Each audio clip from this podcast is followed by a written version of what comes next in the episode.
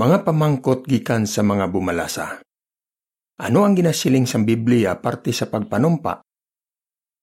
Ang pagpanumpa isa ka seryoso kag formal nga pagpahayag o kompromisa nga himuon ang isa ka butang nga sama-sami ginasambit ang Dios bilang saksi. Pwede ihambal ang isa ka panumpa kag pwede man ini isulat.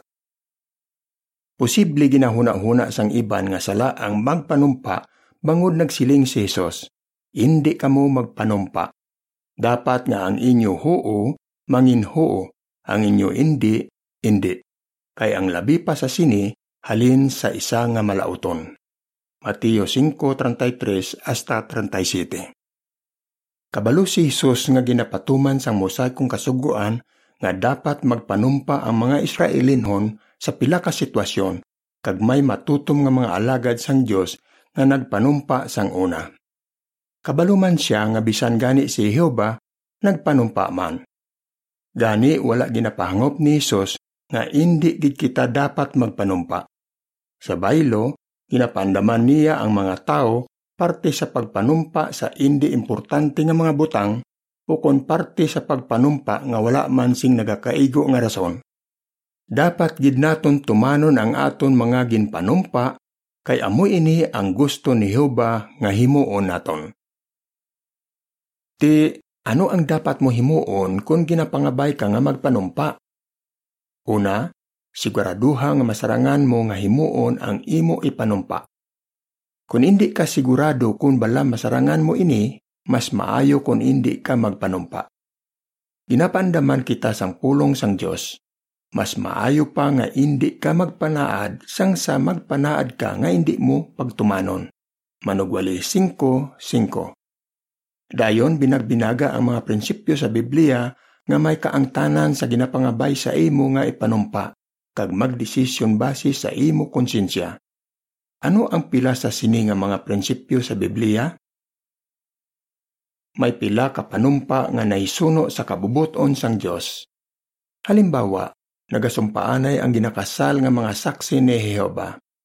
Sa tubangan sang Dios kag sang mga saksi, nagapanumpa ang nobyo kag ang nobya nga higugmaon, palanggaon, kag tahuron nila ang isa kag isa, tubtob nagakabuhi sila. Posible nga indi gid pareho sa sini ang ginasiling sang iban nga ginakasal, pero nagapanumpa sila gihapon sa tubangan sang Dios. Dayon manginbana na sila kag asawa, kag mangin mag-asawa sila sa bilog nila nga kabuhi. Nagakaigo ini nga pagsumpaanay sa kasal, kag naisuno ini sa kabubuton sang Dios. May pila ka panumpa nga wala na isuno sa kabubuton sang Dios. Halimbawa, indi gid magpanumpa ang isa ka matuod nga Kristiyano nga maggamit siya sang armas para dipinsahan ang ila pungsod o kon ipanghiwala niya ang iya pagtuo sa Dios. Kayman, nagalapas ini sa mga sugo sang Dios. Indi bahin sang kalibutan ang mga Kristiyano Gani indi kita dapat mag-intra sa mga isyu kag sa mga inaway sa kalibutan. Juan 15:19. May pila ka panumpa nga nagadepende sa konsensya. Kung kaisa, antes kita magdesisyon kung bala magapanumpa kita o kung hindi, dapat naton anay binagbinagon sing maayo ang sugo ni Jesus nga ihatag ninyo sa Sisar ang mga butang nga iya sang Sisar apang sa Dios ang mga butang nga iya sang Dios. Lucas 20:25. Halimbawa, ibutang tanga naga-apply ang isa ka Kristiyano para mangin citizen siya sang isa ka pungsod o kon para makakuha siya sang passport. Para mahimo ini, dapat siya magpanumpa sang ginatawag nga oath of allegiance. Kung nalakip sa sininga panumpa ang paghimo sang isa ka butang nga nagalapas sa kasuguan sang Dios, Indi paghimuon sang isa ka kristyano ini nga panumpa bangod sang iya konsensya nga ginagiyahan sang mga prinsipyo sa Biblia. Pero posible nga pasugtan siya sang gobyerno nga islan ang pila ka tinaga sa oath of allegiance para pwede niya ini ipanumpa base sa iya konsensya. Base sa prinsipyo nga mabasa sa Roma 13.1, posible magdesisyon ang isa ka kristyano nga magpanumpa sang oath of allegiance nga ginislan ang pila ka tinaga. Ini nga teksto nagasiling, ang tag sa katao dapat magpasakop sa mas mataas nga mga otoridad. Gani bangod gusto ni Yoba nga tumanon naton ang mga otoridad basta wala lang kita sing malapas sa iya mga kasuguan, posible huna-hunaon sang isa ka kristyano nga wala sing malain kung magpanumpa siya sini. Ano abi kon may ipahimo sa imo pareho sang pagbayaw sang kamot o kon pag-uyat sang isa ka butang samtang nagapanumpa ka? Importante man nga sundon mo ang imo konsensya nga ginagiyahan sang mga prinsipyo sa Biblia. Sang una, ginagamit sang mga Romano kag mga isita ang ila espada kung nagapanumpa sila. Ginagamit nila ang espada nga amo ang simbolo sang ila Diyos ang inaway para ipakita nga masaligan sila. Ginabayaw naman sang mga Grigo ang ila kamot kung nagapanumpa sila. Paagi sa sini, ginapakita nila nga nahangpan nila nga may ara gamhanan nga persona nga nakaibalo sang ginasiling kag ginahimo sang mga nagapanumpa kag manabat sila sa iya. Indi gid magpanumpa ang isa ka alagad ni Jehova sa bisan ano nga simbolo sang pungsod nga may labot sa butig nga pagsimba.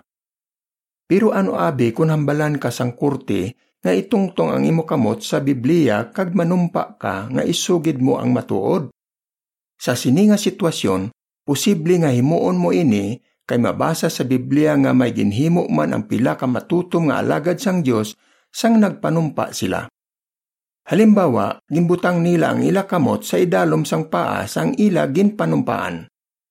Importante nga tandaan mo nga kung himuon mo ini nga panumpa sa korte, nagapanumpa ka sa tubangan sang Dios nga isugid mo ang matuod. Dapat handa ka nga sabton sing matuod ang bisan ano nga ipamangkot sa imo. Ari ang dugang nga impormasyon. Mga prinsipyo sa Biblia nga dapat binagbinagon.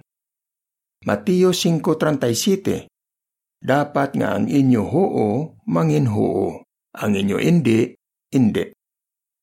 Juan 15.19 Hindi kamo bahin sang kalibutan. Deuteronomio 5.9 Ako si Jehova nga inyo Diyos, nagapatuman nga ako lang ang dapat simbahon. Roma 13.1 Dapat kamo magpasakop sa mas mataas nga mga otoridad.